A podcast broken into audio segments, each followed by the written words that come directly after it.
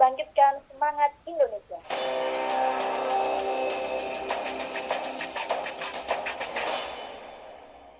Assalamualaikum warahmatullahi wabarakatuh. Selamat datang di podcast Kolaborasi Kebangkitan. Program kolaborasi kebangkitan ini adalah gerakan kolaborasi anak-anak muda yang bertujuan untuk membangkitkan dan menularkan semangat gotong royong ke masyarakat sekitar. Nah, sekarang kita sudah dibersamai sama dua orang anak muda yang katanya sedang resah tentang berbagai kondisi yang saat ini sedang kita jalani. Mereka berdua adalah sesosok realita. Realita namanya, Realita Mahanani dan Eko Susanto. Oke, jadi dari mereka kita akan tahu apa yang melatar belakangi proyek ini, siapa saja yang nantinya akan terlibat, tujuan jangka pendek dan jangka panjang, serta harapan-harapan dan mimpi-mimpi dari program yang sedang bersama-sama kita jalani. Langsung saja, ini nanti Mbak Realita atau Mas Eko sendiri ya yang mau menyampaikan uh, dari Mbak Realita mungkin. Mbak, apa sih yang melatar belakangi proyek ini? Bisa diceritakan? Hmm, silakan. Baik Mbak Willy, terima kasih waktunya. Uh, jadi apa ya di gerakan ini itu sebenarnya latar belakangnya itu keresahan pribadi aja sih. Mungkin teman-teman di sini semua punya keresahan pribadi masing-masing. Apalagi di sekarang ini kan kita sedang hmm. ini ya apa namanya di masa pandemi gitu ya. ini, ya masa corona covid ini memang sangat luar biasa. Dampaknya nggak hanya di bidang kesehatan saja sih.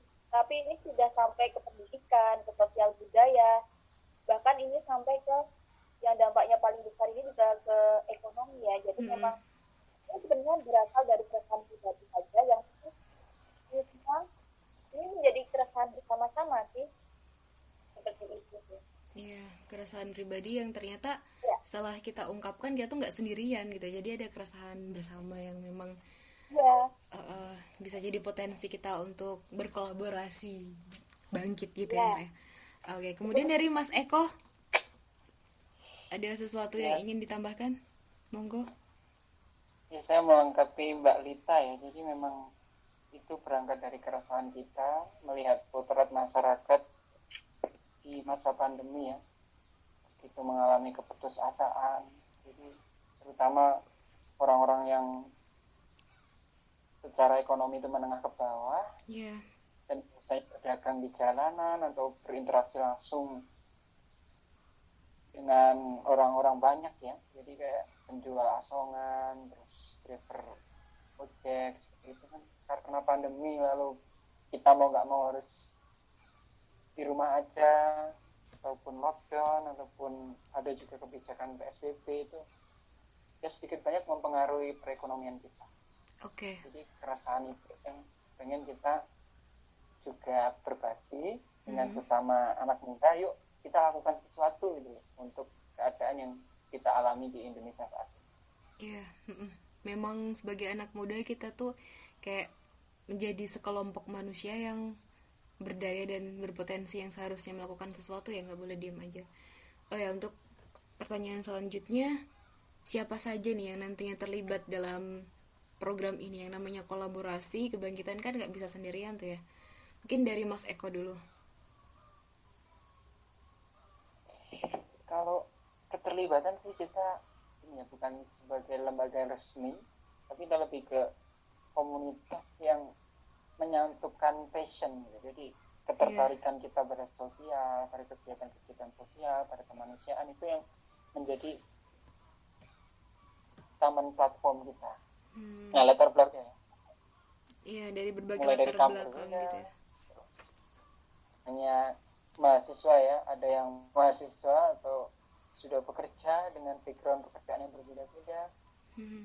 dan rata-rata juga aktif berbagai organisasi. Jadi saya kira yeah. sesuai dengan sebuah kampanye yang kita bawa yaitu kolaborasi kebangkitan. Jadi kita ingin menularkan semangat kebangkitan dengan berkolaborasi. Iya dan yang paling penting mereka yang mau bergerak gitu ya mas ya ya ini dari mbak Lita mungkin ada ya, tambahan betul. ini yang mungkin menurut saya paling resah di dalam sektor pendidikan ya mbak ya. Ya sih uh, jadi menambahkan aja ke Pak Eko tadi benar kata Pak Eko. Jadi memang di sini definisi anak-anak muda yang terlibat itu bukan berdasarkan umurnya ya. Jadi anak-anak muda di sini itu lebih ke anak-anak atau orang yang mempunyai, mempunyai jiwa semangat muda itu sih mm-hmm. jadi memang melibatkannya ini kita melibatkan anak-anak muda dari berbagai latar belakang juga. Mm-hmm. jadi nantinya gerakan kolaborasi ini menjadi gerakan kolaborasi yang kaya. Yeah. keren sih ya. Kalau saat ini sendiri udah ber bersama berapa orang nggak mas? Kira-kira aja. Lihat assessment awal Kalau ya mungkin nanti ini ya secara tim mm-hmm, tim secara, secara tim, gitu. ya, tim utama kita ada sekitar 23 orang mm-hmm. tapi itu hanya secara tim utama ya mm-hmm. kita melibatkan banyak orang relasi kita kita juga bikin lokus relawan di berbagai daerah karena ya kita goal besarnya atau jangka panjang itu pengen bikin jejaring kebaikan hmm. ya mantap ya Gimana Mbak Lita? Iya betul Dan menambahkan ya Mbak Wilis, jadi ini juga nanti kita uh, di dalam kegiatan ini kan banyak sekali banyak video maupun poster dan mm-hmm. itu nanti kita sudah melibatkan relasi seperti kayak youtuber, influencer, jadi penggerak, aktivis, jadi memang di situlah kolaborasi kita. Yep. Tadi lanjut uh, ke Mas Eko Mas Eko tadi kan udah nyinggung tentang tujuan jangka panjangnya mau bikin suatu hal yang berkelanjutan kayak gitu ya. Mungkin bisa sekalian ditambahin jangka pendek dan kemudian jangka panjangnya dari program yang sedang kita perjuangkan saat ini tuh bagaimana? Bisa dari Mbak Lita dulu sekarang gantian. Ya Mbak Lili jadi memang untuk gerakan kolaborasi ini untuk jangka pendek karena kita sekarang ini sedang di situasi pandemi ya. Jadi memang kita fokus utama saat ini jangka pendek adalah meningkatkan kepedulian, kepedulian kita ya terhadap masyarakat yang terdampak, terutama dari kondisi ekonominya mm-hmm. itu melalui kolaborasi kebangkitan ini. Yups. Oke. Okay. Terus Mas Eko gimana? Tadi Mbak Lita udah ngomongin jangka pendek ya, untuk Mas Eko jangka panjang gimana nih? Laki-laki kan visioner. Iya iya. Jangka panjang sih kita pengen lebih nih ya. Tentunya ada transformasi di masyarakat ada perbaikan mungkin kalau ada yang hal-hal yang berkaitan dengan mungkin kepekaan sosial kita yang kurang. Hmm. kan katanya anak-anak milenial kan lebih sibuk dengan gadgetnya daripada lingkungannya ya. Iya post milenial tepatnya. Kalau wah iya mungkin yeah. milenial juga ya. Iya milenial kita pengen perbaiki itu kita pengen membuktikan bahwa yuk anak-anak muda ini masih punya kepekaan sosial tapi dengan bentuk yang berbeda. Nah kita bermain di medsos kita bermain di hal-hal yang sifatnya virtual tapi itu juga bagian dari gerakan kita untuk melakukan transformasi sosial. Jadi mungkin lebih ke sosial movementnya. Jadi goalnya komunitas kolaborasi kebangkitan ini tidak hanya berhenti di kita crowdfunding ataupun di galang dana aja tapi nanti harapannya bisa terus berkembang dengan hmm. kegiatan-kegiatan hmm. sosial lainnya. Iya. Yeah. Oke. Okay. Keren ya. Terus selanjutnya dari program ini sih kira-kira apa harapan-harapan dan mimpi-mimpi dari teman-teman yang sedang resah ini terhadap program yang sedang kita jalankan ya. E, bisa secara diterangkan secara lokal mungkin nanti impact lokalnya gimana tentang transformasi sosial tentang masyarakat yang terdampak pandemi dan lain sebagainya. Dan kemudian secara globalnya juga mengharapkan keterwujudan yang seperti apa gitu. Mungkin saya persilakan nih dari Mas Eko atau Mbak Realita dulu yang mau menyampaikan atau nanti mau ya, oke okay. monggo ya, Oke, kalau jangka pendeknya sih udah jelas ya karena program kita yang terdekat adalah galang dana dengan tujuannya hmm. untuk membantu orang-orang yang terdampak corona yeah. yang secara ekonomi juga sejahtera atau ekonomi menengah ke bawah jadi tentu jangka pendeknya kita ingin menularkan semangat atau harapan hidup jadi dengan saling berbagi saling tolong menolong kalau Soekarno bilang kan apa yang menjadi corak khas masyarakat Indonesia adalah di gotong royongnya. Jadi adanya corona ini adalah kesempatan kita untuk menunjukkan kepribadian bangsa kita yaitu saling gotong royong. Nah itu mungkin jangka pendeknya seperti itu. Jangka panjangnya yeah. mungkin nanti bisa ditambahkan oleh Mbak Lita.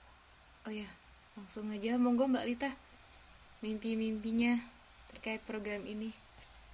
Jangka panjang tentunya ini ya gerakan ini harapannya ini adalah gerakan yang berkelanjutan jadi berkesinambungan jangan sampai ketika pandemi ini berakhir gerakan kita ini berakhir jadi memang kita harapannya adalah kita akan berkelanjutan dengan kolaborasi mm-hmm. pemuda di berbagai wilayah di daerah ya dan yeah. tentunya bisa menginisiasi gerakan-gerakan segini di daerah sehingga gerakan ini nanti impactnya jadi nggak hanya lokal tapi nanti bisa masuk secara global seperti itu hmm. itu harapannya sih jadi memang lebih membangkitkan semangat gotong royong anak-anak muda untuk peduli hmm. jadi memang sebenarnya saya yakin anak-anak muda itu mereka itu idealis ya mereka itu tahu sebenarnya mereka itu tidak resah ya harus Tapi, ngapain gitu ya kadang nah, kadang itu mereka bingung menyalurkan keresahan mereka itu seperti apa jadi memang hmm. gerakan kolaborasi ini hadir sebagai wadah juga sih untuk teman-teman yang resah hmm. tapi mereka tuh nggak punya wadah mereka itu bingung mau menyalurkan keresahannya itu gimana. Hmm. itu harapannya. Iya. Jadi untuk orang-orang resah yang ingin beraksi gitu ya kan kadang kalau kita resah tuh apa sih galaunya kita bikin puisi upload di Instagram nyitatus WhatsApp dan lain sebagainya gitu ya. Mas Eko banget gitu. Tapi ternyata nih ya teman-teman pendengar semua ada inisiasi sebuah program berkolaborasi dengan semangat gotong royongnya ingin menularkan semangat kebaikan yang memang benar-benar nyata. Teman-teman tuh sedang bergerak gitu keren ya. Oh ya untuk selanjutnya ya, mungkin ini bisa dibilang terakhir ya mas ya. Mungkin nantinya kalau ada pendengar yang pengen gabung atau pengen tanya-tanya lebih lanjut program-programnya atau pengen ikut kolaborasi gitu gimana sih caranya? Nah iya ya, jadi saya kira podcast ini juga sebagai, sebagai sarana kita untuk mengartikulasikan keresahan. Kalau musisi-musisi kita mewujudkan keresahannya dengan lagu yang itu berdampak kepada seluruh penggemarnya nah mm-hmm. kita yang bukan musisi ini ingin menularkan keresahan dengan bentuk gerakan sosial mm-hmm. nah kalau teman-teman ingin join atau mungkin teman-teman istilahnya punya ide-ide atau punya keresahan-keresahan yang sama dengan yang kita diskusikan pada kesempatan kali ini teman-teman bisa yang pasti kita punya ini akun official untuk media sosialnya yeah. nah, di Instagram kan ada yeah. kolaborasi kebangkitan mm-hmm. at kolaborasi kebangkitan dan yeah. teman bisa bisa di follow, ya nah, ini saya sekalian promo ya, mm-hmm. ya. bener banget follow bisa DM nah nanti admin kita akan memfollow up itu mm-hmm. jadi supaya kita bisa saling kerjasama karena kolaborasi ya. Itu mungkin. Oke okay, mbak Lita. dari mbak mm-hmm. Lita? Monggo. Tambahannya nggak ada sih cuma menambahkan begitu aja sih. Uh, jadi mungkin nanti teman-teman yang ingin ingin gabung dengan tadi ada ide-ide apa bisa teman-teman sampaikan ke tim kami ke tim kolaborasi kebangkitan. Lalu yang pasti kalau teman-teman ingin membantu masyarakat yang terdampak terdampak pandemi yeah. teman-teman juga bisa menyisikan sedikit hmm. rezekinya lah istilahnya untuk membantu masyarakat di luar Okay, Jadi nggak hanya materi ya nanti teman-teman juga bisa berkontribusinya ide tenaga itu juga pikiran. Yups. Segala hal gitu ya Mbak Lita menerima sokongan yeah. gitu. Ya. Yeah. Oke. Okay.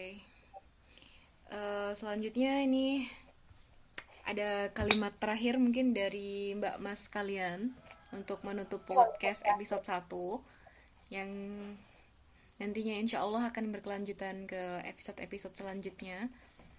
Monggo adakah sesuatu yang disampaikan ke teman-teman atau bisa nggak membuat pendengar tuh juga sama resahnya dengan apa yang kita rasakan saat ini gimana monggo Clo ya bisa closing statement oke okay. saya dulu ya saya kira kita mungkin sudah pernah mendengar tentang bagaimana prediksi para pakar-pakar maupun tokoh maupun stakeholder bahwa salah satu fenomena yang akan terjadi 2020 adalah bonus demografi. Bonus demografi.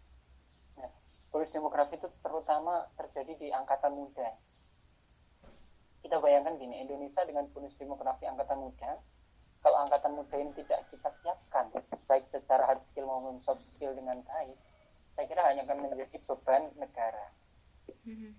Nah kita dari kolaborasi kebangkitan ini mengajak teman-teman, yuk kita kembangkan soft skill kita, kita kita aktualisasikan apa yang ada dalam diri kita. Kan anak muda kan potensinya banyak. Ya. Mungkin salah satunya semangat. Salah satunya semangat. Keresan. Nah itu perlu kita aktualisasikan dengan kolaborasi kebangkitan itu. Bayangkan kalau semua anak muda di Indonesia punya kepekaan sosial, punya semangat yang tinggi untuk aware pada lingkungannya saya kira untuk menuju Indonesia emas yang dicanangkan atau master plan kita itu akan semakin dekat gitu. jadi akan semakin mudah untuk terrealisasikannya jadi harapannya ya tentu dengan kolaborasi kebangkitan ini bisa menjembatani apa yang kita miliki potensi dari Indonesia itu yaitu bonus demografi dengan mengoptimalkan potensi-potensi dalam diri anak muda. Oke, siap. Oke, dari Mbak Lita, ada tambahan closing statementnya? Closing statementnya nggak ada, jadi memang ini aja. Jadi kalau misalnya teman-teman itu merasa di dunia ini sudah tidak ada ya orang baik, maka jadilah salah satunya. Itu aja sih. Masyarakat, Masya Allah. Ya, terima kasih Mas Eko dan Balita. Semoga bisa membuka ruang-ruang diskusi dan menularkan keresahan yang bisa yang nantinya bertransformasi menjadi semangat untuk bangkit dan berkolaborasi untuk Indonesia. Lebih baik. Gitu ya. Eh untuk terakhir kita tutup dengan jargon. Monggo. Mas Eko sama Mbak Lita. saya belum di briefing tadi jargonnya. ya? eh. oh iya. Udah. Lupa terus kan, nanti kita atau teman-teman bisa tahu dengan bersama bangkitkan semangat Indonesia. Oke. okay. Kita coba ya iya kolaborasi kebangkitan bersama, bangkitkan semangat, Indonesia. Indonesia. Ya. Terima kasih. Sama-sama.